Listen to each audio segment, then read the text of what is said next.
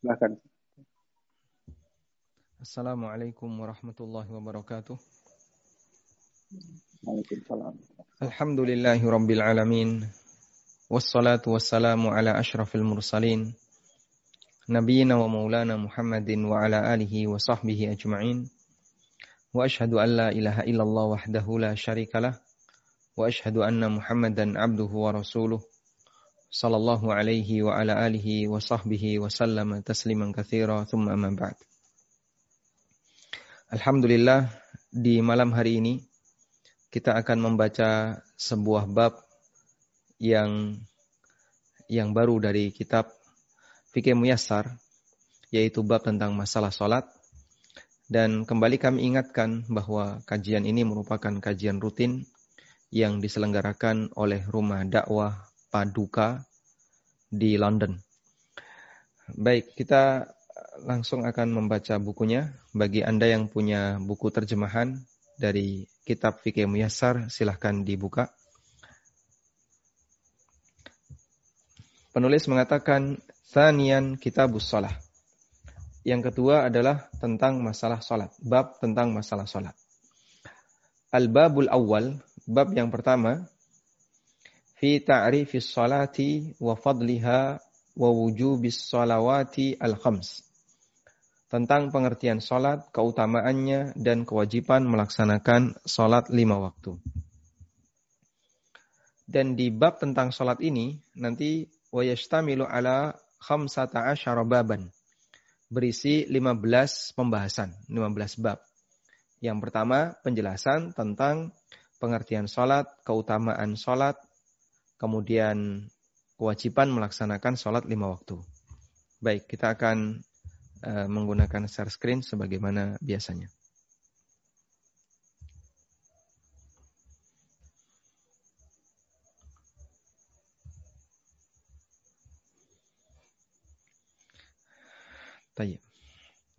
Bapak Ibu yang dimakan Allah Subhanahu wa taala.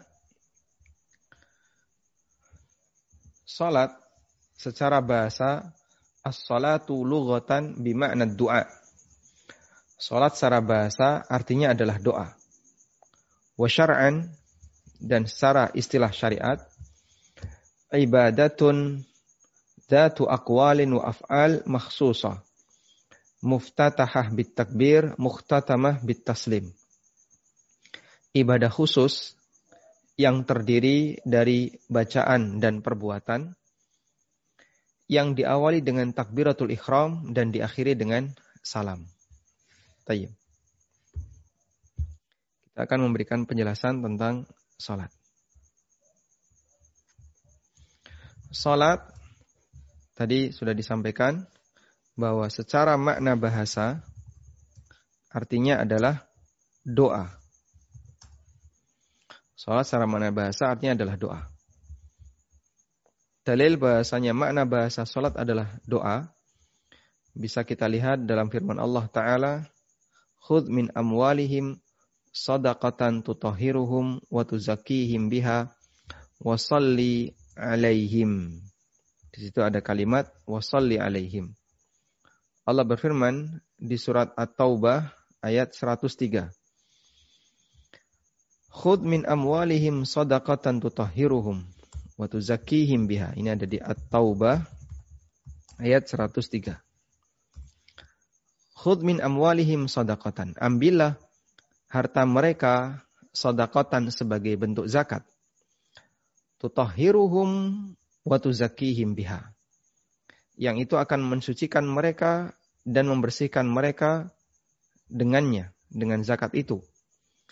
Lalu Allah perintahkan kepada sang Nabi, wasalli alaihim, dan berikanlah solat kepada mereka. Inna salataka sakanul lahum, sesungguhnya salatmu itu akan menjadi ketenangan bagi mereka. Apa yang dimaksud dengan wasalli alaihim dan kalimat inna salataka sakanul lahum? Wasalli alaihim, berikanlah salat kepada mereka. Maknanya adalah doakanlah mereka. Karena itu di lanjutan ayat Allah katakan inna salataka sakanul lahum Sesungguhnya sholatmu adalah ketenangan bagi mereka. yang dimaksud salatmu ketenangan bagi mereka, salataka di sini maknanya adalah doamu. Sesungguhnya doamu adalah keterangan ketenangan bagi mereka. Sehingga dari ayat ini kita bisa menjumpai makna kata salat secara bahasa. Kemudian makna secara istilah syariat kita bisa pahami dari praktek dan uh, kegiatan sholat yang kita lakukan. Di mana penulis mengatakan ibadat datu akwalin wa af'al maksusah. Sholat adalah ibadah tertentu yang terdiri dari ucapan maupun perbuatan muftatahah bit takbir diawali dengan takbir muhtatamah bit taslim dan diakhiri dengan salam. Sehingga sholat secara istilah adalah ya, uh, definisinya bisa kita buat lebih ringkas ibadah sholat yang kita kerjakan. Baik. Kemudian begini. Makna bahasa itu dipahami orang Arab sekalipun tidak ada wahyu makna bahasa dipahami oleh orang Arab sekalipun tidak ada wahyu. Kok bisa Pak? Ya, karena ini bahasa mereka. Sehingga yang namanya bahasa mereka sudah paham dari awal, sejak lahir atau sejak mereka belajar berbicara. Karena itu makna bahasa adalah makna yang dipahami oleh masyarakat Arab sekalipun mereka belum Eh, mendengarkan keterangan dari Nabi Shallallahu Alaihi Wasallam, sekalipun mereka belum mendapatkan eh, penjelasan dari Nabi Sallallahu Alaihi Wasallam, sekalipun belum ada Rasul yang, yang diutus kepada mereka. Karena makna bahasa itu dipahami oleh ahli bahasanya. Baik. Sedangkan makna istilah, makna istilah baru bisa dipahami, baru bisa dipahami setelah turun wahyu. Saya ulang ya. Mana istilah syariat? Mana istilah syariat? Baru bisa dipahami setelah turun wahyu atau turun syariat.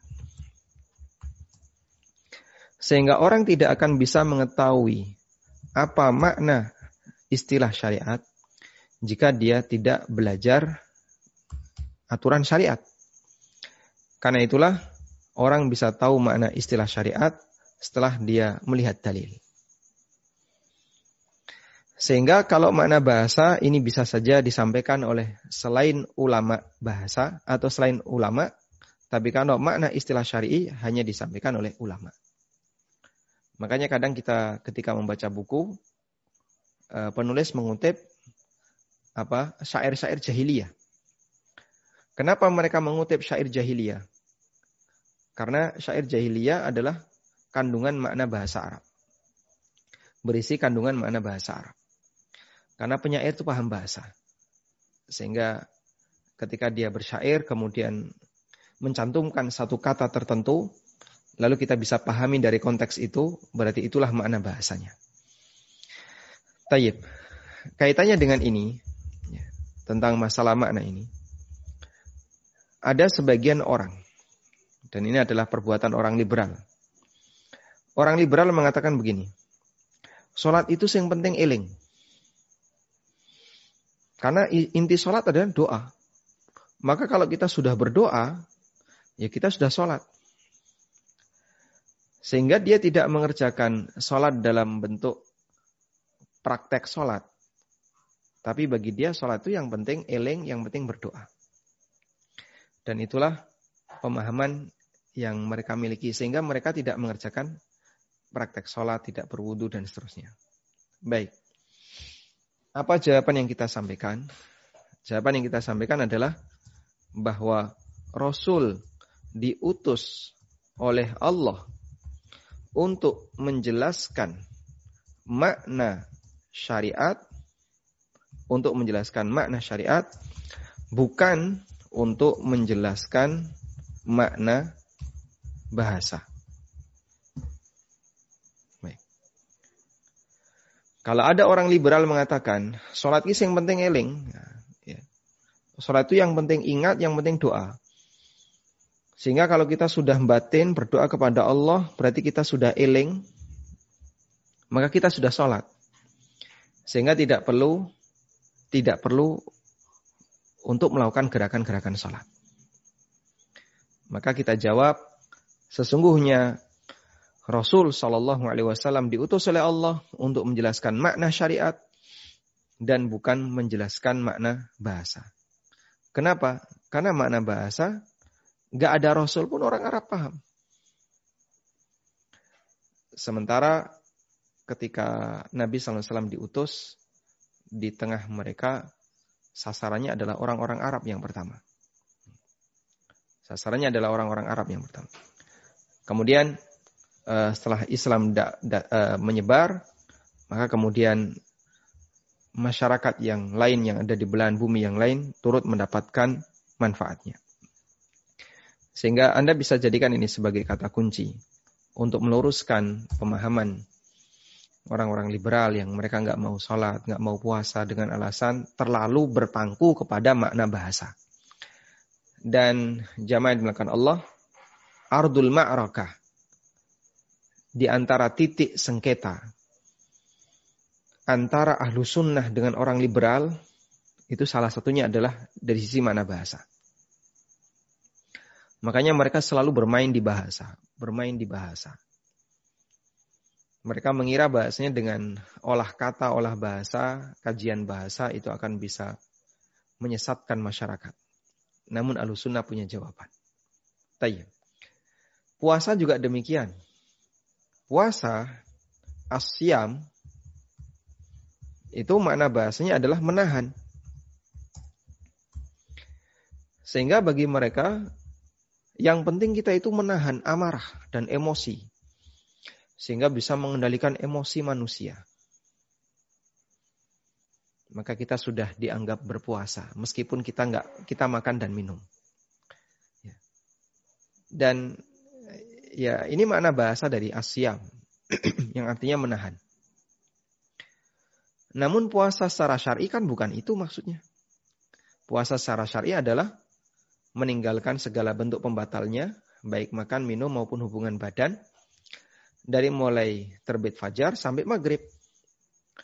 Kalau Anda makan atau minum, meskipun Anda menahan emosi, ya Anda tidak berpuasa. Loh, tapi secara makna bahasa kan demikian. Nabi SAW diutus oleh Allah. Untuk menjelaskan makna syariat dan bukan makna bahasa. Kalau kemudian semuanya harus dikembalikan ke bahasa, nggak perlu Nabi. Orang Arab turun-temurun paham bahasanya. Tayyip. Ini terkait makna sholat. Selanjutnya, kita akan membaca tentang keutamaan sholat. Keutamaan sholat sangat banyak sekali. Ya dan kita bisa memahami semuanya. Mengingat ini merupakan ibadah yang sangat utama, bahkan ibadah yang paling utama, karena itu ditaruh oleh Allah sebagai rukun Islam yang kedua setelah syahadatain. Kita akan baca rincian tentang keutamaan sholat. As-salatu min akidi arkanil Islam ba'da syahadatain bal hiya amudul Islam wa qad faradaha Allahu ala nabihi Muhammadin sallallahu alaihi wasallam lailatul mi'raj. Salat adalah rukun Islam yang paling ditekankan setelah dua kalimat syahadat. Bahkan salat merupakan amudul Islam, tiangnya Islam. Wa qad faradaha Allahu ala nabihi Muhammadin sallallahu alaihi wasallam dan Allah wajibkan salat kepada nabinya Muhammad sallallahu alaihi wasallam ketika malam Mi'raj. Kalau Isra itu perjalanan dari Mekah menuju Baitul Maqdis. Kalau Mi'raj berarti perjalanan naik ke atas. Araja ya'ruju artinya naik ke atas. Mi'raj artinya eh, peristiwa naiknya beliau ke atas. Fauqas samawati sab'i di atas langit yang tujuh. Kenapa naik ke atas? Mendekat kepada Allah Azza wa Jal.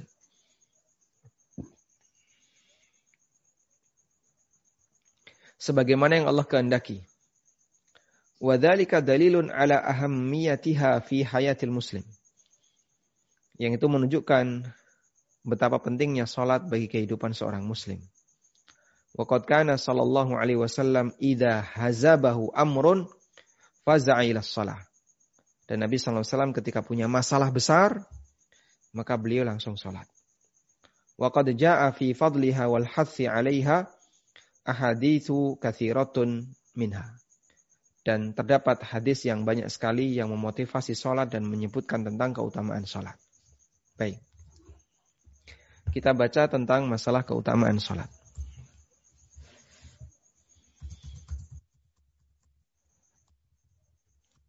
Keutamaan sholat. Ada satu ungkapan yang sangat terkenal. Kalimatnya adalah Sholat itu tiang Islam. Dan di sini tadi penulis juga mengatakan as-salatu amudul Islam. Salat itu tiang Islam. As-salatu As-salatu amudul Islam.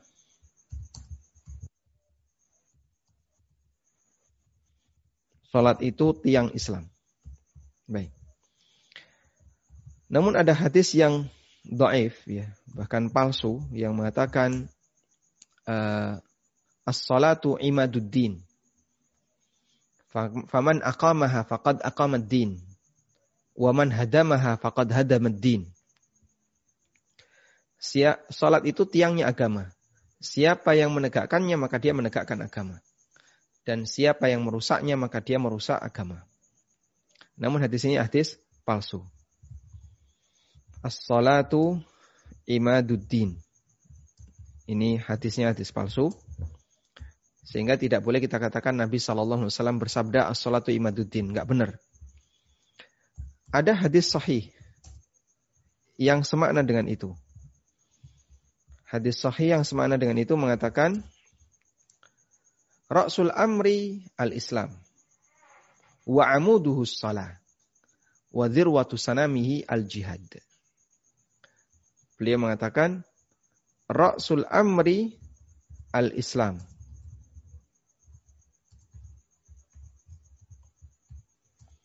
Wa amuduhu salah.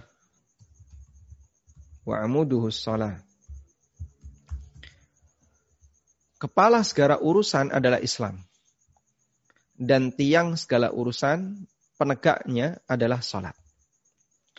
Sehingga Nabi SAW menyebut sholat adalah amudul amri. Dan al-amru di sini maksudnya adalah seluruh aturan agama. Penegaknya adalah sholat. Tayyib. Karena penegaknya adalah sholat, maka ketika orang tidak sholat, berarti bangunan Islamnya roboh. Dan ini salah satu jadi dalil. Salah satu di antara yang dijadikan dalil oleh sebagian ulama yang mengatakan bahwa sholat itu jika ditinggalkan menyebabkan pelakunya jadi kafir. Karena berarti tiang-tiangnya roboh, dan kalau tiang Islam itu roboh, berarti orang ini dianggap keluar dari Islam. Wallahu alam.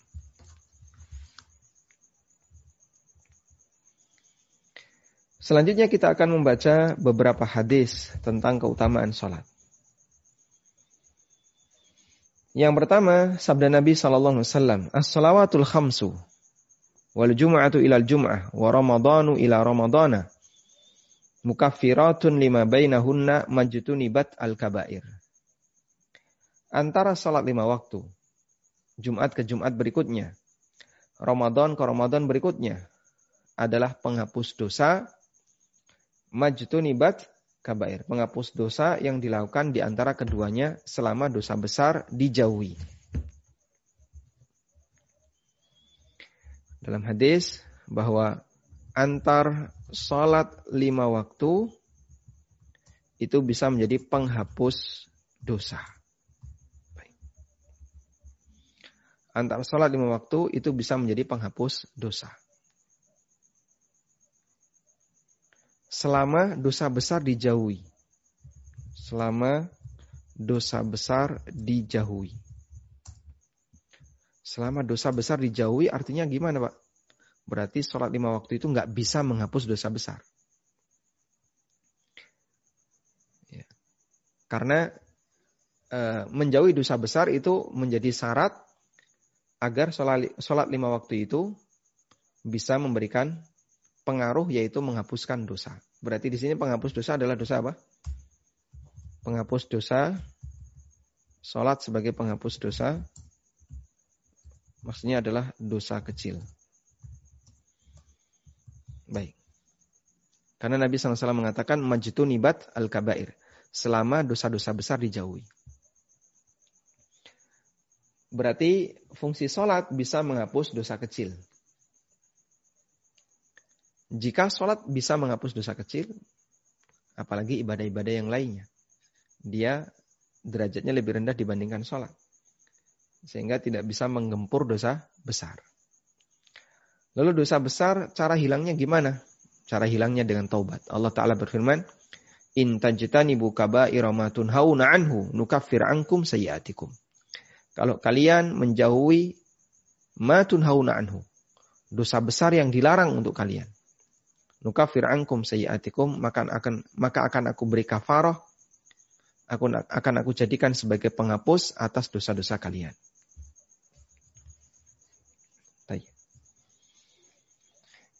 Wa qauluhu sallallahu alaihi wasallam dan Nabi sallallahu alaihi wasallam bersabda Ara'aitum law anna nahran bi babi ahadikum yaghtasilu minhu kulla yawmin khamsa marratin hal yabqa min daranihi syai' Qalu la yabqa min daranihi syai'un. Qala salawatil khamsi. Yamhullahu bihinnal khataya bimakna al-wasakh. Nabi SAW bersabda, kalau kalian, eh, kalau kalian membuat perumpamaan, aro'aitum, bagaimana menurut kalian? Lau anna nahron bibabi ahadikum, ada sungai bersih di depan rumah kalian yaghtasilu minhu kulla yaumin khamsa marratin. Lalu orang itu mandi setiap hari lima kali. Subuh mandi, kemudian zuhur mandi, asar mandi, maghrib mandi, isya mandi. Dia mandi sehari lima kali. Fahal buka min daranihi syai' Ada nggak kotoran yang masih tersisa? Maka sahabat mengatakan, ya, kotorannya nggak ada yang tersisa. Karena apa? Semuanya dibersihkan dengan mandi lima kali tadi. Qala kemudian Nabi SAW bersabda, Fadhalika mathalus salawatil khams. Seperti itulah salat lima waktu. Yamhullahu bihinnal khataya. Allah Ta'ala menghapus dosa-dosa hamba. Walhamdulillah. Kita layak bersyukur kepada Allah. Allah sediakan kita salat lima waktu. Yang itu ketika kita komitmen untuk mengerjakannya, maka Allah Subhanahu wa taala jadikan itu sebagai penghapus dosa. Tayyib. Dan masih banyak hadis yang lain yang menunjukkan keutamaan sholat lima waktu dan ibadah sholat secara umum. Ya. Sehingga ini menunjukkan bahasanya Allah Subhanahu wa taala sangat mencintai ibadah sholat ini. Selanjutnya tentang wujubuha. Tentang kewajiban sholat lima waktu. Kewajiban sholat lima waktu maklumatun bil kitab wa sunnati wal ijma telah diketahui berdasarkan Al-Quran, Sunnah dan ijma. Al-ma'lumu minad dini bid darurah dan semua orang tahu. Ya. Maklum minad din bid darurah. Ya. Semua orang tahu. Allah berfirman wa aqimus dalam banyak ayat di Al-Quran. Allah juga berfirman, "Qul ibadiyalladzina amanu wa yuqimus shalah." Katakanlah untuk hamba-hambaku yang beriman, ya, yuqimus sholata agar mereka menegakkan salat. Wa minas sunnah dan disebutkan dalam sunnah hadisul mi'raj dalam hadis tentang mi'raj. Di situ ada pernyataan hiya khamsun wa hiya khamsun kewajibannya cuma lima waktu, tapi nilainya 50 kali. Baik, kita coba kasih catatan ini ya. Nabi Shallallahu Alaihi Wasallam ketika beliau mendapatkan perintah sholat pada saat peristiwa Isra Miraj, beliau dapat perintah berapa kali? 50 waktu. Lalu beliau turun, kemudian ketemu Musa. Lalu beliau eh, atau Musa menyampaikan kepada beliau, umatmu nggak bakalan sanggup. Minta keringanan. Hanya Nabi SAW minta keringanan kepada Allah. Lalu dipotong lima, sehingga jadi empat lima. Turun lagi ketemu Musa. Lalu Musa menyampaikan, umatmu nggak bakalan sanggup. Naik Nabi Wasallam minta keringanan. Dipotong lima lagi. Dan begitu seterusnya, beliau naik turun naik turun sembilan kali, ya, antara Allah dengan Musa hingga akhirnya sholat jadi lima waktu. Lalu Allah Subhanahu Wa Taala berfirman, hiya khamsun wa hiya khamsun. Kita coba kasih catatan kalimat ini.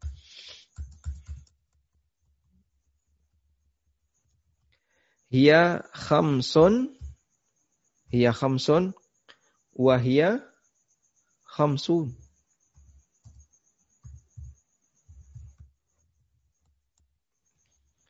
Itu sholat lima waktu Tapi nilainya lima puluh waktu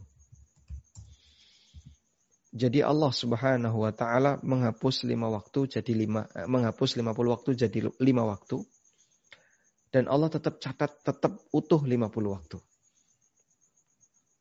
Baik. Sekarang yang jadi pertanyaan. Nilai sholat 50 waktu itu. Apakah sebagaimana, apakah sejalan dengan firman Allah Ta'ala. Dalam Al-Quran. Menja'a bil hasanati falahu ashru amthaliha karena ada ayat yang mengatakan Manja'a bil hasanati falahu ashru amthaliha. Ada di surat Al-An'am ayat 160. Siapa yang beramal soleh, maka dia mendapatkan 10 kali lipat. Siapa yang beramal soleh, maka dia dapat pahala 10 kali lipat. Berarti di sini kan 5 ekivalen dengan 50 kali. 5 waktu ekivalen dengan 50 waktu. Karena setiap satu amalan dilipatkan 10 kali lipat. Tayyib.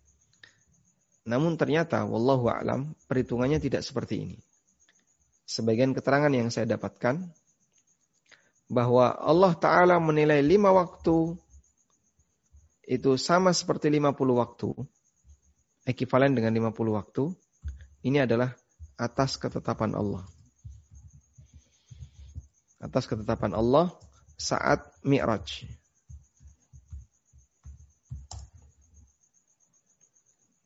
Baik. Sedangkan manja bil hasanati falahu ashru amthaliha. Ini ketetapan Allah dalam Al-Quran.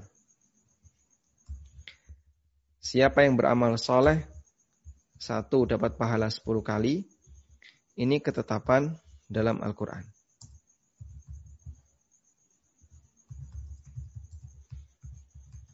Terus maksudnya gimana? Ini ketetapan Allah saat Mi'raj dan ini ketetapan Allah dalam Al-Quran. Artinya ya berbeda bentuk ketetapannya. Ya. Berbeda bentuk ketetapannya. Sehingga kita punya harapan, ya, saya sampaikan, kita punya harapan. 50 waktu itu kemudian dilipatkan 10 kali lipat. Karena kita mengerjakan 5 waktu dianggap seperti 50 waktu. Berarti kita mengerjakan 50 waktu. Dan 50 waktu itu kemudian dilipatkan lagi 10 kali lipat. Ya. Sehingga ada harapan 50 waktu dilipatkan 10 kali. Jadinya sama dengan soras, sholat 500 waktu. Baik. Ini uh, penjelasan yang pernah saya dapatkan sehingga 50 waktu di situ adalah uh, apa? nilai dari seorang muslim mengerjakan sholat lima waktu lalu dilipatkan oleh Allah, oleh Allah jadi 50 waktu. Maka aturan dalam Al-Quran satu kebaikan dilipatkan 10 kali sehingga 50 waktu jadi 500 waktu. Wallahu alam. betapa murahnya Allah Subhanahu wa taala. Tapi mengapa masih banyak orang yang enggan untuk menjalankannya? Wa qauluhu sallallahu alaihi wasallam dan sabda Nabi sallallahu alaihi wasallam dalam hadis ya, tentang syariat Islam.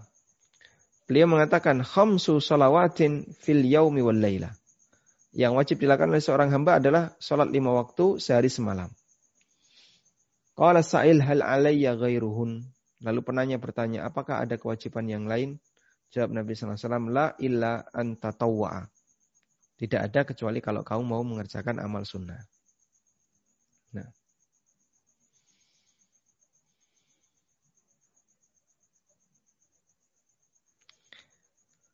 Kemudian watajibus salatu 'alal muslimil balik al-akil fala tajibu 'alal kafir wal saghir wal majnun.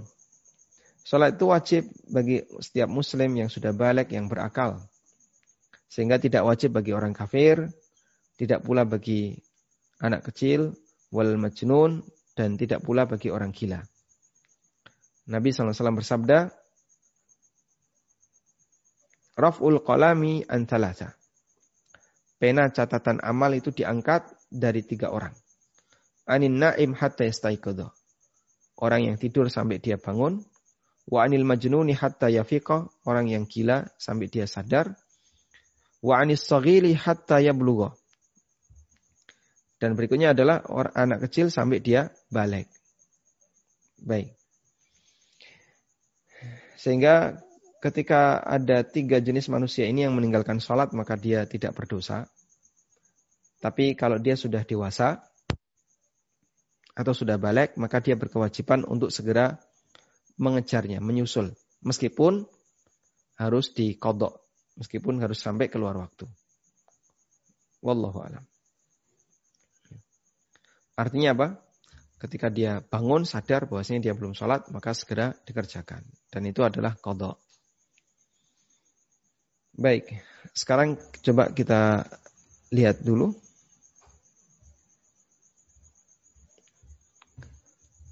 Tentang apakah orang kafir Apakah orang kafir wajib sholat?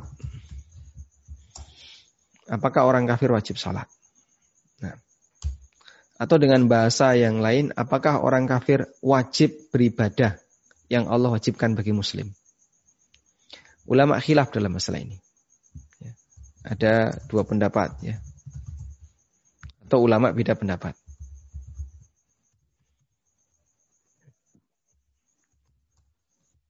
Ada yang mengatakan orang kafir tidak wajib sholat. Ya karena dia kafir.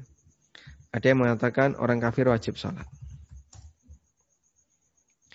Nah, untuk pendapat yang mengatakan orang kafir wajib sholat, ya, karena uh, wajib dalam arti jika orang kafir meninggalkannya, maka itu akan menambah beban dosa. Ya. Dalam arti jika si si kafir meninggalkannya, maka tambahan dosa. Jika si kafir e, meninggalkan sholat, maka ada tambahan dosa.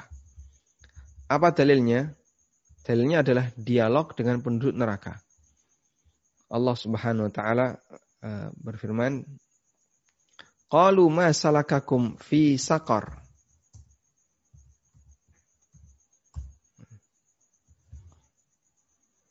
Ma salakakum fi saqar? Qalu lam nakum minal musallin wa lam nakun nut'imul miskin wa kunna nakhudu ma'al khaidin.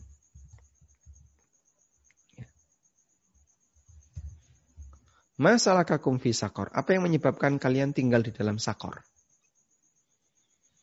Kalau orang kafir itu menjawab, lam naku minal musallin. Karena dulu kami nggak sholat. Walam nakunut emul miskin. Dan kami tidak mau ngasih harta kepada orang miskin. Wa kunna nakhudu ma'al khaidin. Dan kita dulu sukanya cuma gojek, bersenda gurau. Nah. Sehingga ini menunjukkan bahwa uh, orang kafir dihukum oleh Allah disebabkan karena dia nggak sholat. Makanya terjadi dialog, ya. terjadi dialog ketika orang kafir uh, berada di neraka, maka terjadi dialog ditanya, masalah kakum fisakor.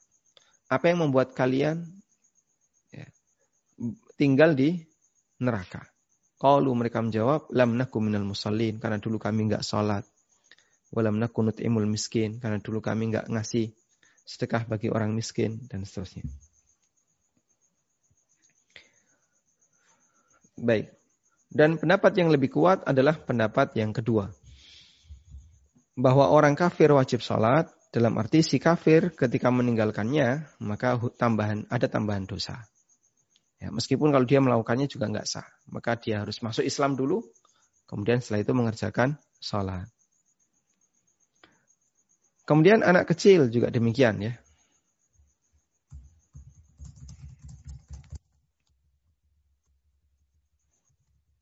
Anak kecil yang belum balik. Anak kecil yang belum balik, dia tidak wajib sholat. Namun orang tua mengarahkan pendidikan. Pendidikan bagi ortu yaitu usia tujuh tahun ke atas maka di sini ya harus uh, usia tujuh tahun ke atas maka di sini ada diperintahkan untuk sholat. Usia 10 tahun atau lebih ini usia 10 tahun atau lebih ini uh, dipukul jika tidak mau mengerjakan. Sehingga kalau tujuh tahun malas-malesan ya ditoleransi. Tapi kalau sudah 10 tahun disuruh tetap malas-malesan, tidak mau, ya, maka orang tua berhak untuk memukul. Ya. Nabi SAW bersabda, Muru auladakum bis salati wa huwa ibnu sab'in. Ya. Perintahkan anakmu untuk sholat ketika di usia tujuh tahun. Ya. Wadribna, wadrib lahunna, ya. dan pukullah mereka ketika mereka berusia Ibnu Ashar, berusia 10 tahun. Baik. Sehingga di sini fungsi hukuman adalah dalam rangka untuk mendisiplinkan mereka sehingga mereka akan selalu mengerjakan sholat. Wallahu a'lam.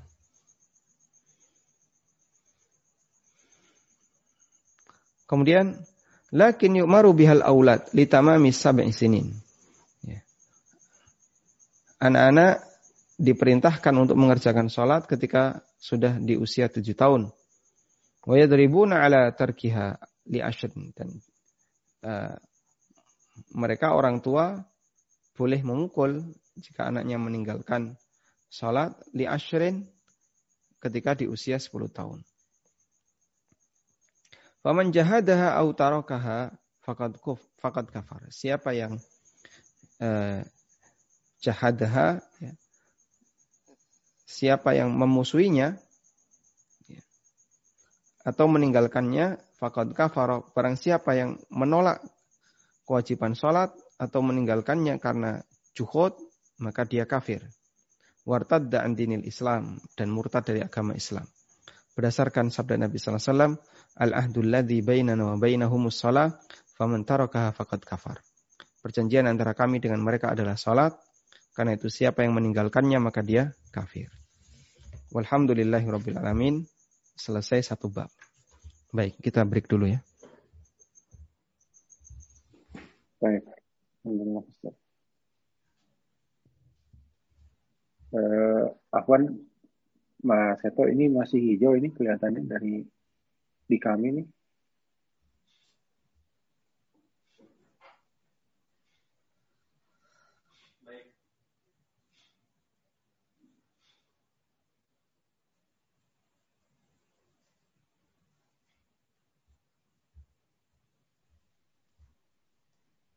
Masih mas, masih jauh.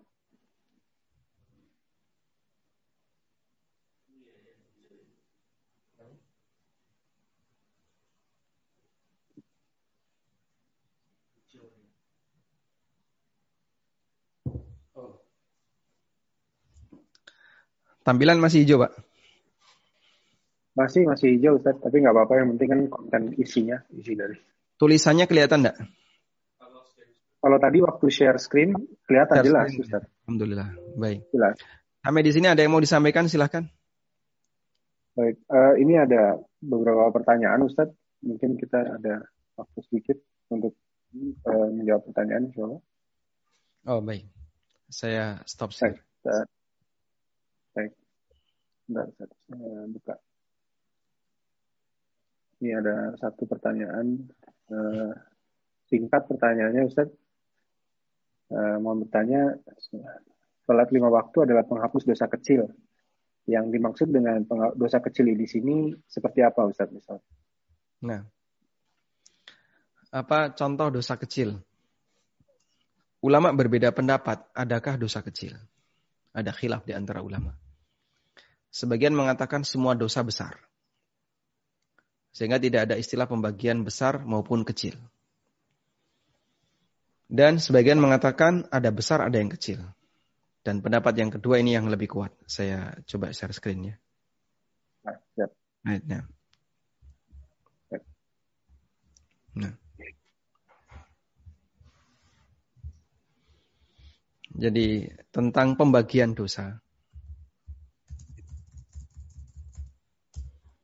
pembagian dosa. Apakah ada dosa besar dan ada dosa kecil? Ulama beda pendapat.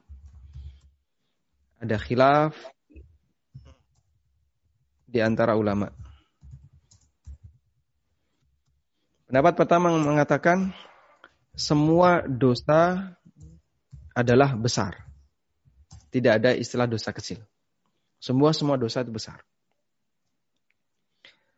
Dan ada pendapat kedua yang mengatakan ada dosa besar dan dosa kecil. Sehingga dosa ada dua, ada besar, ada kecil. Apa dalil keberadaan dari keberadaan dosa ini, dosa besar dan dosa kecil? Allah berfirman di surat Al-Kahfi. La yughadiru saghiratan wala kabiratan illa ahsaha.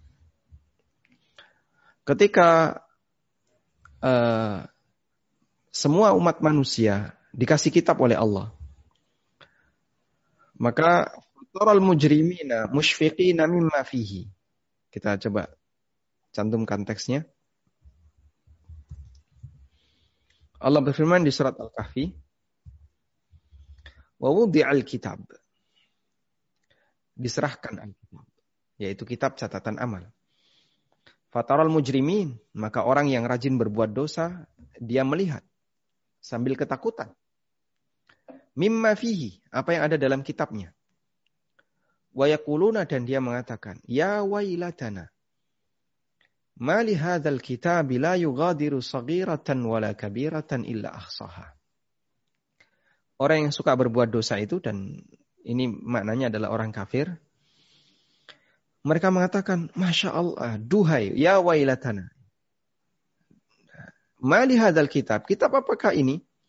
La yugadiru sagiratan wala kabiratan. Nah, di situ ada kalimat, La yugadiru sagiratan wala kabiratan tidak membiarkan baik yang kecil maupun yang besar kecuali menghitungnya. Kecuali kitab itu menghitungnya.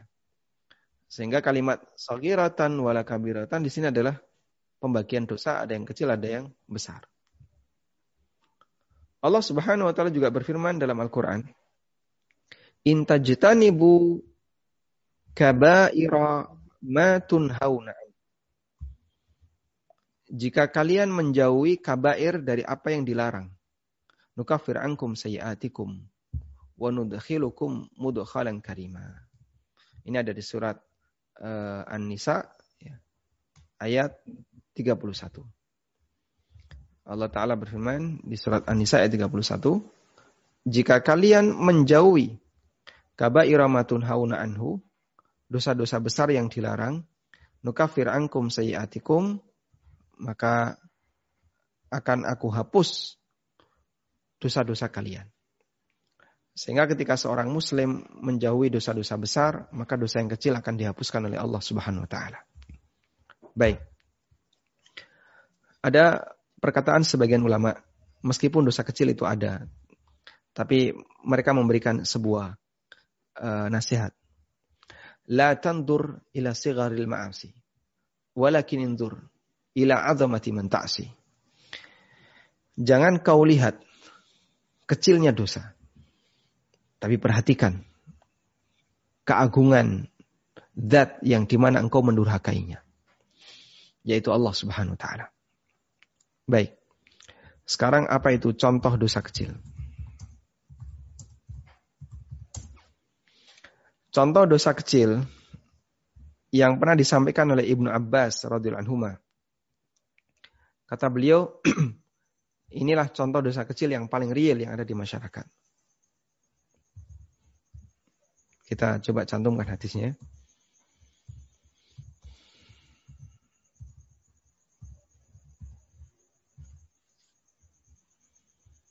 Nabi Shallallahu Alaihi Wasallam pernah bersabda,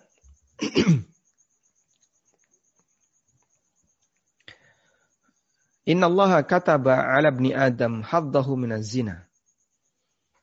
Adraka dhalika la mahalata. Nabi SAW bersabda ini. Sesungguhnya Allah Ta'ala menetapkan semua Bani Adam itu akan melakukan perbuatan zina. Contoh dosa kecil adalah hadis Ibnu Abbas. Nabi SAW bersabda, hadis dari Ibnu Abbas. Secara marfu artinya sabda Nabi SAW, sesungguhnya Allah menetapkan dalam takdirnya bahwa seluruh ibnu Adam akan mendapatkan jatah perbuatan zina. Sehingga kita semuanya pernah berzina. Adraka la mahalata. Pasti dia akan menjumpai itu, pasti dia akan melakukan itu dan tidak bisa dia hindari. Lalu Nabi Shallallahu Alaihi Wasallam memberikan rincian. Fazinal aini an zina mata dengan melihat. Laki dan perempuan sama. Wazinal lisani al-mantik. Zina lisan adalah bicara. Wan nafsu tamanna wa tashtahi. Sementara zina jiwa adalah berangan-angan. Wal farju yusaddiqu dzalika kullahu wa yukadzibu. Yang terakhir adalah kemaluannya. Kalau kemaluannya tidak pernah berzina, berarti mendustakan semua zina sebelumnya. Kalau kemaluannya sampai berzina, berarti membenarkan semua zina sebelumnya. Baik, yang kata Ibnu Abbas radhiyallahu anhu beliau mengatakan Ani Ibnu Abbas radhiyallahu anhu qala lam ara syai'an ashbaha bil lamam min qauli Abi Hurairah.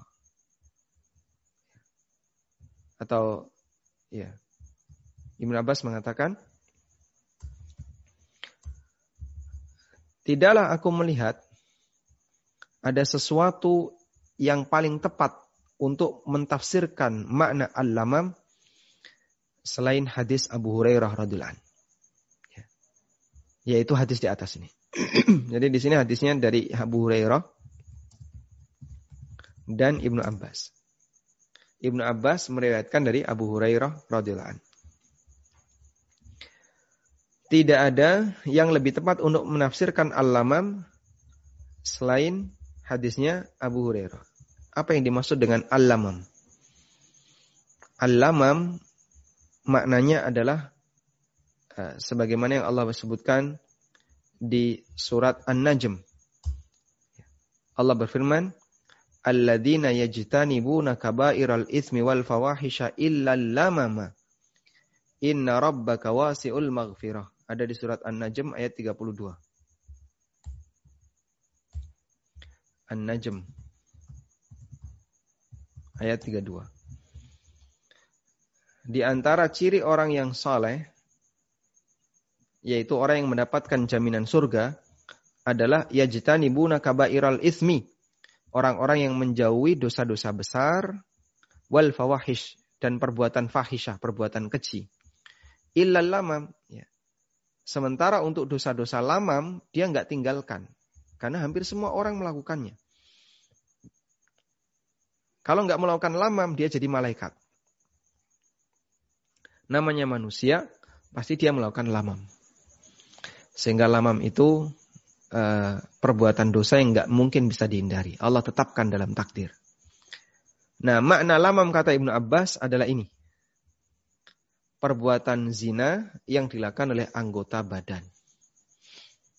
Zina mata melihat, zina hati berangan-angan, zina lisan bicara, ya.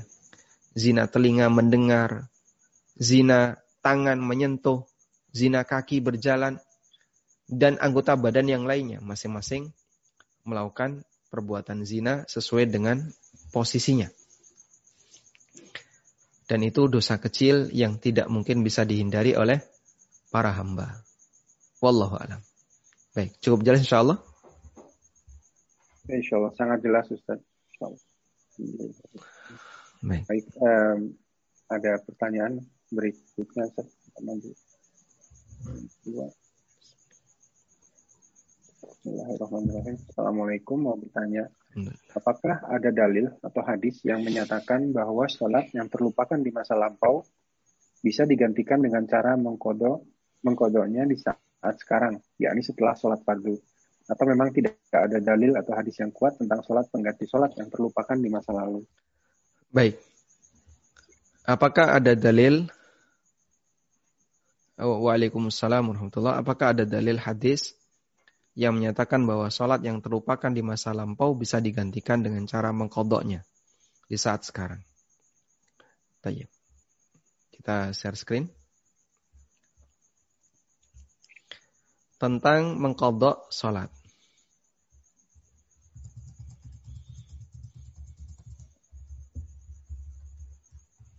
Mengkodok sholat di yang ditinggalkan di masa lampau. Baik. Kodok sholat itu ada dua ya.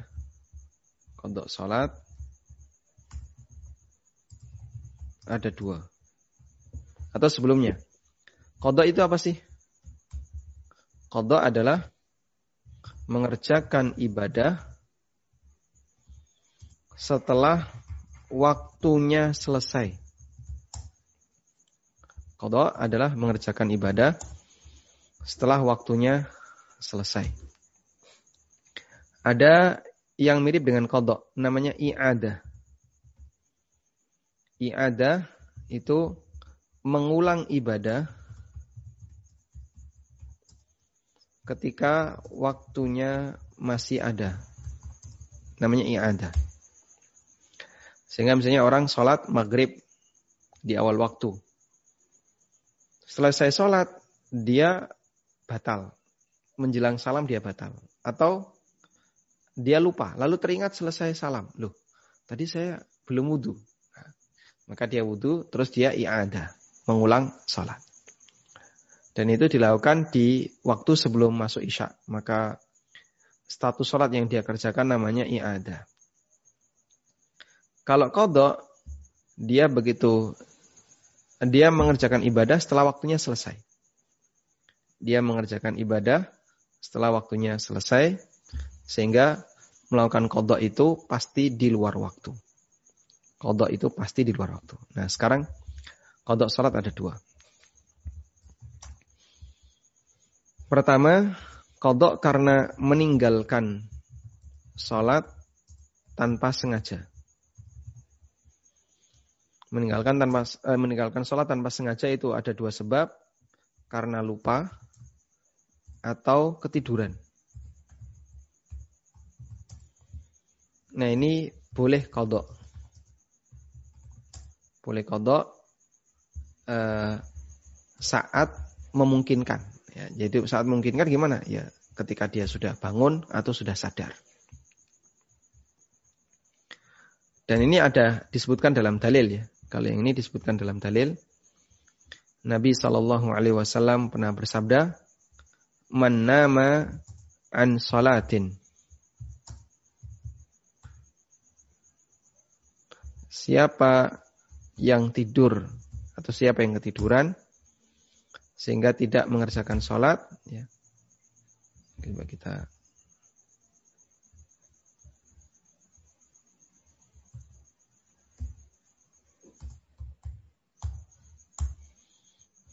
uh, belum ketemu ya.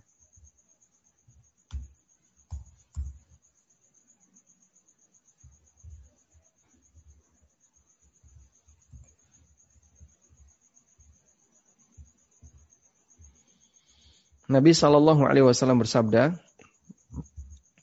"Man nama an salatin au nasiha." Siapa yang ketinggal, siapa yang ketiduran sehingga tidak sempat sholat atau lupa lupa sholat ya. Falyusalliha hina dzakaraha. Maka hendaknya dia kerjakan ketika dia ingat. Baik, saya carikan hadis ya, riwayat Muslim.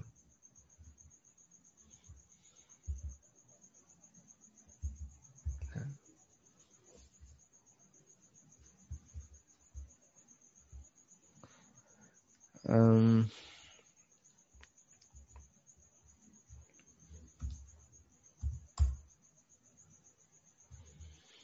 belum ketemu teks yang persis seperti yang saya baca tadi ya. Nasiyah.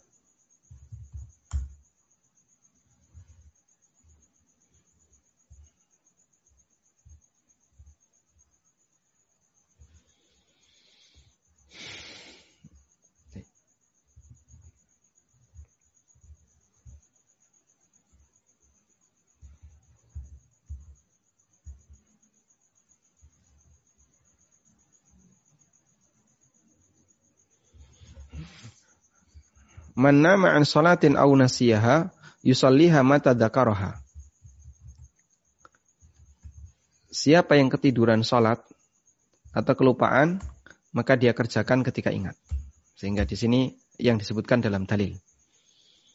Yang kedua, meninggalkan salat dengan sengaja.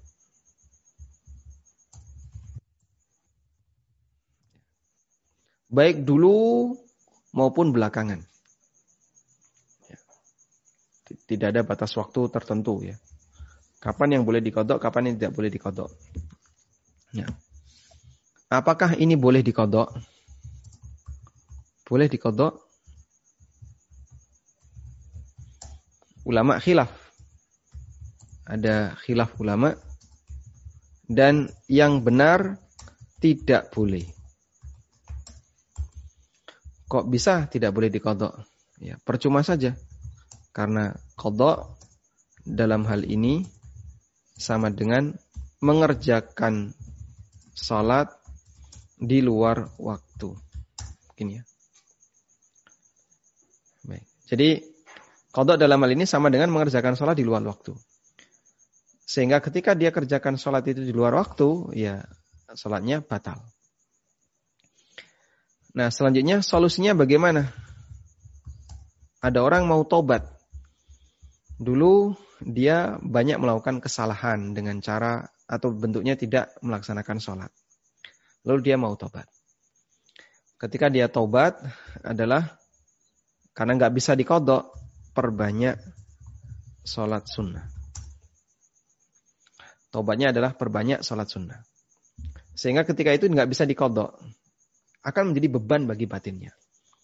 Saya merasa kesulitan, saya mau tobat Sementara sholat yang saya tinggalkan tidak bisa dikodok. Terus gimana ini?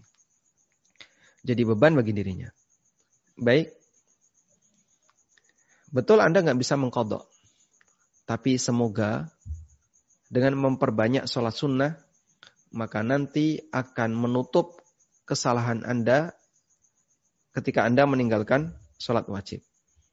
Dan ini berdasarkan hadis di mana Nabi Shallallahu Alaihi Wasallam pernah bersabda, awaluma yuhasabu bihil abdu yaumal qiyamah as-salah.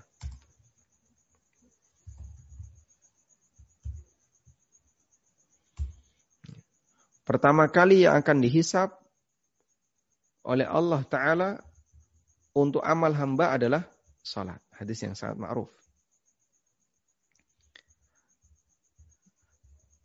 Kita coba kutipkan.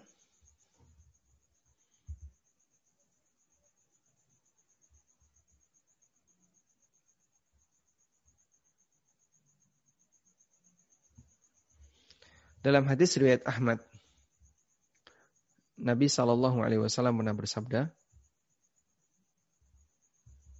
ini ya hadisnya ini. Nabi SAW bersabda, Inna min awwali ma yuhasabu bihin nas yaumal qiyamah as-salah. Sesungguhnya yang pertama kali akan dihisap dari amal manusia kelak di hari kiamat adalah salat.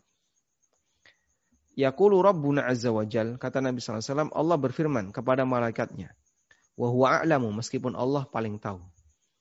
Unduru fi salati abdi, coba perhatikan salat hambaku. Atammaha amna apakah dia sempurnakan ataukah ada yang dikurangi? Fa'inkanat tamatan kutibat lahu. Jika salatnya sempurna, maka dicatat sebagai salat yang sempurna. Wa inkanan taqasa minha syai'an. Tapi kalau ada yang kurang sedikit pun, Qala. Maka Allah berfirman kepada malaikatnya, Unduru hali abdi min tatawwi. Coba perhatikan, apakah hambaku punya sholat sunnah? Fa kana lahu tatawu'un. Kalau hambaku punya sholat sunnah. Kalau sang hamba punya sholat sunnah. Qala Allah berfirman, Atimmu li abdi faridatahu min tatawu'ihi. Sempurnakan atau lengkapi sholat wajib hambaku yang masih kurang dengan sholat sunnahnya. Sehingga fungsi sholat sunnah di sini adalah untuk menambal kekurangan sholat wajib. Jika diterima oleh Allah Ta'ala. Wallahu a'lam. Nah. Cukup jelas insya Allah? Baik. Eh, jelas sekali Ustaz. Alhamdulillah.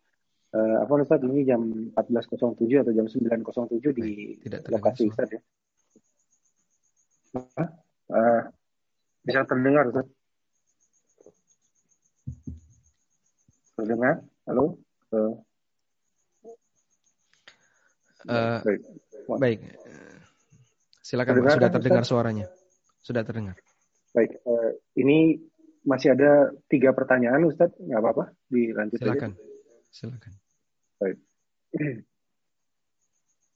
Berikutnya pertanyaannya singkat aja Ustaz. Ini bagaimana ada memukul anak yang tidak mau sholat di usia 10 tahun tadi Ustaz? Sudah balik atau belum? Sudah, sudah balik. Sudah balik. Eh, tadi yang 10 tahun itu. Sudah balik. Kalau 10, eh, 10 tahun jika belum balik, ya. belum balik sebenarnya dia tidak wajib. Kalau ya. belum balik sebenarnya dia tidak wajib.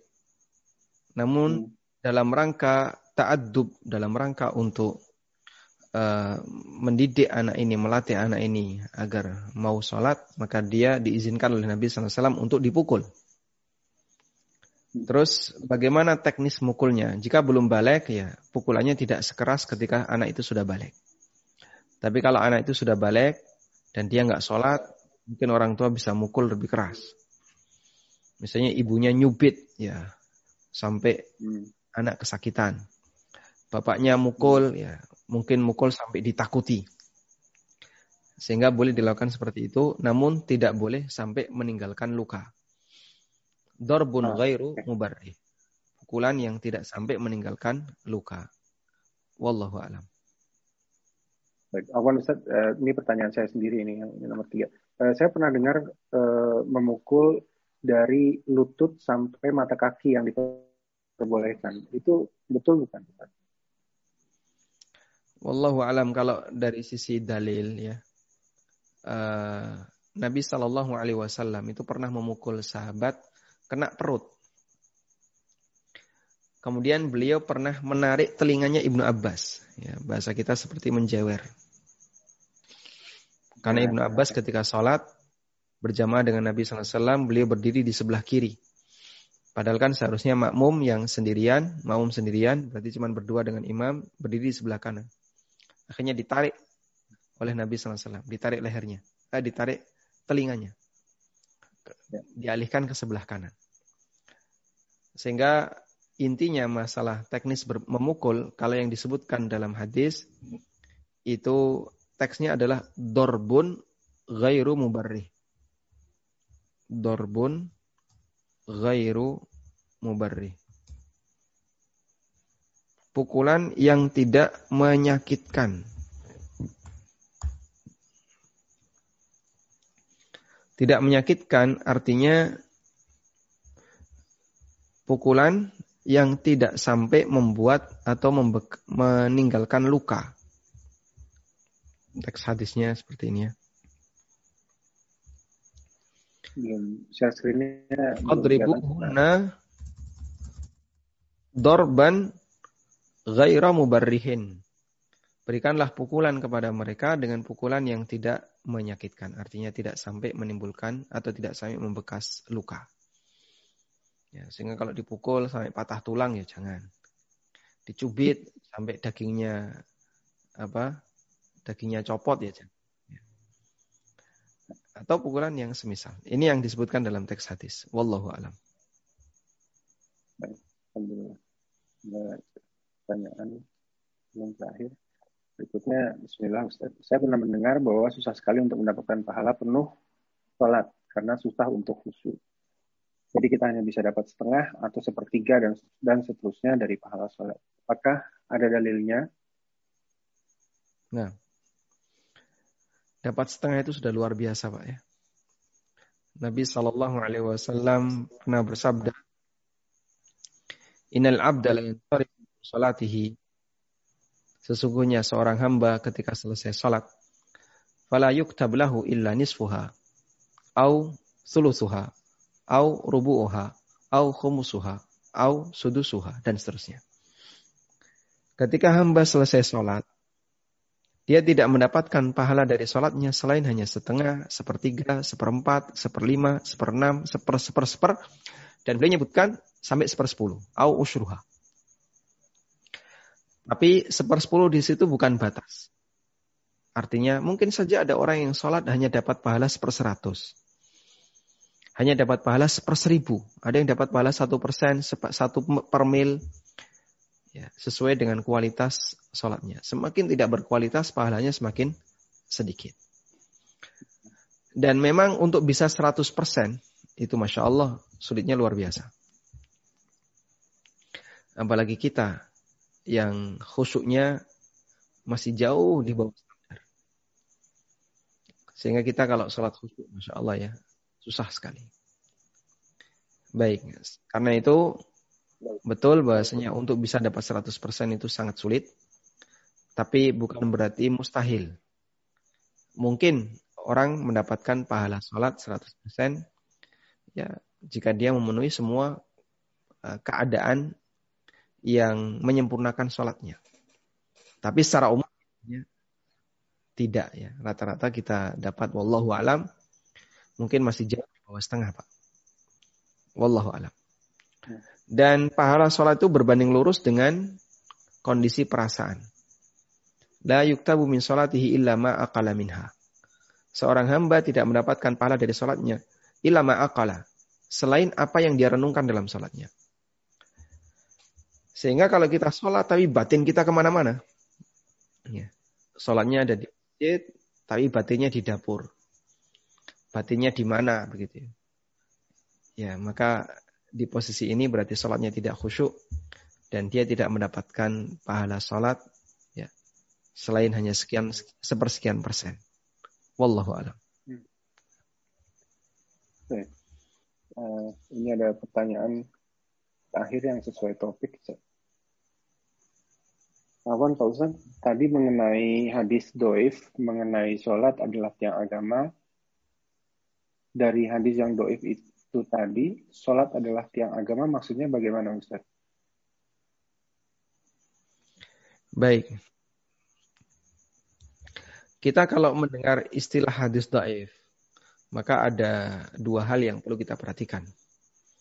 Pertama, tidak boleh menisbahkan, tidak boleh menisbahkan pernyataan itu kepada Nabi SAW. Sehingga kita tidak boleh mengatakan Nabi Shallallahu Alaihi Wasallam bersabda, As-salatu imaduddin. Faman aqamaha faqad aqamad din. Wa man tarakaha faqad hadamad din. Padahal beliau tidak pernah bersabda demikian. Nabi Shallallahu Alaihi Wasallam mengingatkan, "Man haddatha an hadithin yura annahu kadhibun fahuwa ahadul kadhibain." Siapa yang menyampaikan hadis dariku dan dia menurut dia hadis itu adalah hadis dusta, tapi tetap dia sampaikan atas nama Nabi SAW, maka berarti dia salah satu pendusta. Jadi yang menyampaikan ini dianggap sebagai salah satu pendusta. Ini poin pertama. Poin yang kedua adalah dari sisi makna. Apakah makna dalam boleh kita tetapkan? Boleh kita yakini? Padahal hadisnya daif. Pertama, kita share screen dulu ya.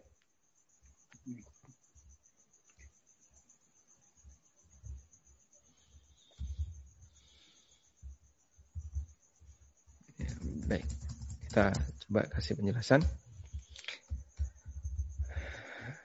Tidak semua hadis do'if memiliki makna yang salah. Tidak semua hadis do'if memiliki makna yang salah. Ada hadis do'if namun maknanya benar. Kok bisa Pak? Ya mudah saja ya. Saya kasih contoh sangat sederhana. Baik. Misalnya, ada ungkapan seperti ini. Jika ruko, jika ruko, tarik punggungmu. Tariklah punggungmu agar kau sehat. Ya. Misalnya ada ungkapan seperti ini. Kalimat ini secara medis mungkin benar. Bahkan ada salah satu dokter ya, yang beliau menulis buku tentang mukjizat salat. Lalu dia eh, jelaskan setiap gerakan-gerakan salat dan pengaruhnya terhadap kesehatan fisik manusia. Termasuk di antaranya adalah ketika ruko, ya, ketika sujud. Ruko itu masya Allah ya. Ada salah satu jamaah yang bilang ke saya, e, Pak Ustadz, saya ketika mempraktekkan ruko yang sesuai sunnah, itu masya Allah badan terasa terasa nyaman. Jadi dia betul-betul narik itu. Orang ini baru mengenal sunnah, tapi dia bilang, saya kalau praktekkan sholat sesuai sunnah, ruko itu seperti ada yang ketarik-ketarik. Gitu. Jadi sehingga tulangnya menjadi lebih nyaman. Sehingga bisa jadi pernyataan ini benar. Tapi boleh nggak kita mengatakan Nabi Shallallahu Alaihi Wasallam bersabda, apabila kalian rukuk tariklah punggungmu agar kau sehat. Beliau nggak pernah bersabda demikian. Nggak boleh. Baik. Berarti di sini kalau dinyatakan sebagai sabda Nabi, ya jangan. Ini perkataan dokter misalnya, bukan sabda Nabi Shallallahu Alaihi Wasallam. Contoh yang lain misalnya, puasalah agar kalian sehat. Sumu tasihu. Itu hadis palsu. Bukan sabda Nabi Shallallahu Alaihi Wasallam. Tapi secara makna ini benar. Karena seperti kita tahu bahwasanya puasa itu bisa memiliki banyak eh, pengaruh-pengaruh uh, positif bagi fisik manusia. Sudah? Sehingga secara makna benar, tapi kita tidak boleh mengatakan itu sebagai sabda Nabi Shallallahu Alaihi Wasallam. Makanya di sini tidak semua hadis daif memiliki makna yang salah. Ada hadis daif namun maknanya benar. Baik. Nah, jika hadis do'if itu maknanya benar, lalu pelajaran apa yang bisa kita ambil? Pelajaran yang bisa kita ambil adalah maknanya. Kalimat ini benar, meskipun bukan sabda Nabi Shallallahu Alaihi Wasallam. Karena tidak semua kalimat yang benar itu sabda Nabi. Tidak semua kalimat yang benar itu sabda Nabi. Karena itu pernyataan as-salatu imaduddin itu pernyataan yang benar. Berdasarkan hadis sahih yang lain, Nabi SAW bersabda, wa amuduhus salah. Ya. Penegak dari urusan itu adalah sholat. Sehingga sholat adalah amudul amri. Nah, maka secara makna benar, sholat itu adalah penegak tiang-tiangnya. Tapi kita tidak boleh mengatakan as-salatu imaduddin adalah sabda Nabi Shallallahu Wasallam. Nah sekarang apa makna sholat penegak agama? Atau tiang agama. Kalimat ini menunjukkan bahasanya agama itu seperti bangunan. Dan Nabi SAW menyatakan demikian. Ya. Nabi SAW bersabda, uh, Bunyal Islamu ala khamsin. Islam itu dibangun di atas lima, di atas lima tiang, di atas lima rukun. Kemudian beliau menjelaskan lima rukun Islam. Syahadat, sholat, zakat, dan seterusnya. Sehingga digambarkan oleh Nabi SAW, agama itu seperti ibarat bangunan. Maka sholat adalah tiang agama. Sehingga orang kalau tidak sholat, tiang agamanya roboh pada dirinya, maka dihukumi oleh sebagian ulama, orang ini kafir alias keluar dari Islam. Wallahu a'lam. Baik. Uh, untuk pertanyaan yang sesuai topik, sudah habis Ustaz. Ada ada dua pertanyaan di luar topik. Gimana Ustaz? Silakan Bapak. Ya. Nah, ya. Assalamualaikum warahmatullahi wabarakatuh. Apa hukum membaca surah lain setelah surah Al-Fatihah pada rakaat ketiga dan keempat? Mohon penjelasannya Ustaz. Jazakumullah khair. Waalaikumsalam warahmatullahi wabarakatuh. Hukum membaca surat lain selain surat Al-Fatihah di rakaat ketiga dan keempat. Pertama, untuk sholat maghrib hukumnya anjuran membaca uh, salah satu dari surat dari, dari apa surat Ali Imran ya. Rabbana la tuzigh qulubana ba'da idh hadaitana wa hab lana min ladunka rahmah innaka antal wahhab. Innaka antal wahhab. Di situ Doa ini dibaca oleh Abu Bakar As-Siddiq radhiyallahu anhu di rakaat yang ketiga ketika sholat maghrib. Kemudian untuk selain sholat maghrib, yaitu sholat uh, yang lainnya, apakah dianjurkan untuk melakukan seperti ini? Wallahu taala alam. Uh, kalau bolehnya boleh. Namun yang lebih sesuai sunnah adalah tidak membaca surat apa pun selain Al-Fatihah. Dan ini seingat saya adalah keterangan dari Imam atau Syekh eh, Saleh Al-Fauzan hafizahullah taala dan beberapa ulama yang lainnya mengingat yang lebih sesuai sunnah Nabi Wasallam adalah uh, ketika di rakaat ketiga atau keempat beliau tidak membaca surat selain Al-Fatihah. Namun ketika sholat maghrib kita bisa niru asar Abu Bakar As-Siddiq radhiyallahu di mana beliau ketika rakaat ketika membaca Rabbana la tuzigh qulubana ba'da idh hadaitana wa hab lana min ladunka rahmah innaka antal wahhab. Wallahu a'lam. Nah, nah, pertanyaan terakhir untuk hari ini Ustaz. Assalamualaikum Ustaz. Izin bertanya apakah sah sholat subuh kesiangan? Karena jam tidur yang sangat larut malam. Ketika alarm subuh hidup badan masih sangat lelah sehingga alarmnya dimatikan dan bangun di waktu pagi atau siang untuk melaksanakan subuh. Waalaikumsalam warahmatullahi uh, ada apa pelajaran yang pernah disampaikan oleh Ustadz kami Ustadz Aris Munandar. Hafizahullah Ta'ala. Beliau pernah menyampaikan kalau ada orang yang dia punya peluang untuk bisa bangun tapi peluang itu sengaja tidak diambil sampai akhirnya dia kebablasan sehingga kehilangan peluang itu. Sampai betul kebablasan maka dia terhitung meninggalkan sholat sehingga misalnya dia istirahat di waktu malam, jam 2 jam 2 pagi baru baru tidur. Lalu dia ingin tidur karena besok paginya harus beraktivitas. Kemudian alarmnya sengaja dimatikan. Padahal dia tahu ini bisa berbahaya loh ya kalau nggak ada nggak ada yang nggak alarmnya dimatikan nggak ada yang ingatkan dia bisa kesiangan. Ternyata betul dia kesiangan. Maka dia terhitung sebagai orang yang meninggalkan sholat. Kalau ada peluang tapi tidak diambil. Atau misalnya dia lama-lama dengar adzan. Kemudian dia bangun misalnya. Tapi karena uh, lebih mengedepankan malas, akhirnya dia tidur. Dia biarkan tidur. Dia nggak bangun. Maka ini terhitung meninggalkan sholat. Namun kalau kejadiannya seperti ini. Insya Allah tidak terhitung sebagai meninggalkan sholat.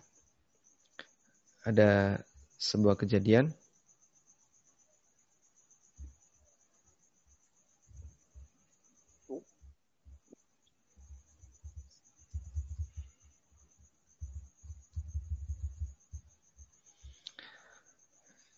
Baik, kita coba bacakan ya. Cukup panjang nih. An Abi Hurairah.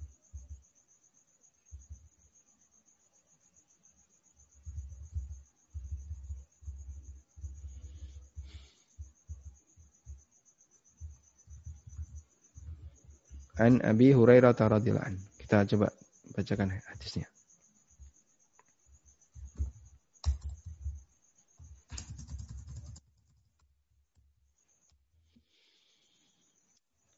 Dari Abu Hurairah radhiyallahu anhu bahwasanya Rasulullah sallallahu alaihi wasallam ketika beliau pulang dari perang Khaybar fasara lailatan.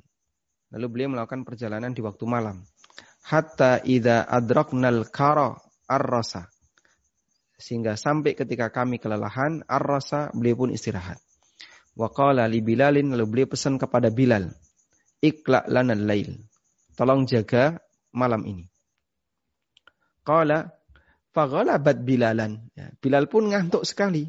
Semuanya kelelahan. Faghalabat Bilalan ainahu. Bilal pun ngantuk ya, sekali. Wahwa mustanidun ila rahilatihi. Dan Bilal duduk nyender eh, nyender ke uh, tunggangannya. Falam yastaikid an-nabiyyu sallallahu alaihi wasallam wala Bilalun wala ahad min ashabihi. Sehingga nggak ada satupun yang bangun. Nabi SAW juga nggak bangun, Bilal nggak bangun, dan nggak ada satupun sahabat yang bangun. Hatta idha dorobat humus syamsu. Sampai ketika matahari itu sudah meninggi, lalu nyorot ya, ke arah rombongan tadi. Dorobat lah humus syam. Dorobat ini memukul ya. Matahari memukul mereka, maksudnya adalah menyorot dengan sinarnya. Fakana Rasulullah sallallahu alaihi wasallam awwalahum istiqadan. Nabi SAW adalah orang yang pertama kali bangun. Sehingga mereka ketiduran semuanya, matahari sudah tinggi, sinarnya sudah nyorot, Nabi SAW yang pertama kali bangun. Fafazi'a Rasulullah SAW. Lalu Nabi SAW kaget, beliau bangun, dan beliau langsung manggil, Ya Bilal, hai Bilal. Faqala, akhada binafsi alladhi akhada binafsika bi abi anta wa ummi ya Rasulullah. Kata Bilal, Ya Rasulullah, saya ngantuk sebagaimana Anda ngantuk. Ya. Bi abi anta wa ummi. Faktadu rawahilahum syai'an. Akhirnya mereka pun geser.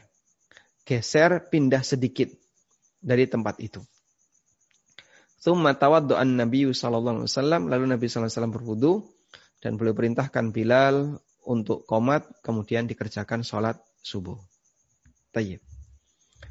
Sehingga dari kejadian ini kita bisa perhatikan kalau memang betul-betul ketiduran ya, sehingga sudah berusaha tapi gagal ya. Sudah berusaha pasang alarm, sudah berusaha ini berusaha ini, tapi gagal sehingga ketiduran maka uh, tidak termasuk di antara orang yang meninggalkan sholat. Sehingga boleh dikodok sholat subuhnya setelah matahari terbit. Wallahu alam. Alhamdulillah. Afwan, uh, saat ini ada ada berita dari rekan sahabat jamaah dari Jerman uh, kebetulan uh, mendapatkan bencana orang tuanya di Indonesia uh, rumahnya rubuh. Uh, jadi uh, mohon doanya Ustaz dari teman-teman sekalian dan juga dari Ustaz insyaallah. Masyaallah. Baik, uh, untuk sementara dari kami dari pertanyaan-pertanyaan sudah habis Ustaz. Jadi mungkin kita Baik. tutup. Baik, demikian semoga Allah jadikan sebagai ilmu yang bermanfaat. Wassallallahu ala nabiyyina Muhammadin wa ala alihi wa sahbihi wasallam. Wa akhiru da'wana anil hamdulillahi rabbil alamin. Subhanakallahumma wa bihamdika. Ashhadu an la ilaha illa anta astaghfiruka wa atubu ilaik. Wassalamualaikum warahmatullahi wabarakatuh. Waalaikumsalam warahmatullahi wabarakatuh. Demikian uh, teman-teman sekalian di mana pun Anda berada. Semoga kajian ini bermanfaat bagi kita semua, terutama bagi saya. Uh, kami dari pengurus mohon maaf jika ada kekurangan dan kesalahan. Barakallahu fikum. Wabillahi taufiq wa hidayah. Assalamualaikum warahmatullahi wabarakatuh.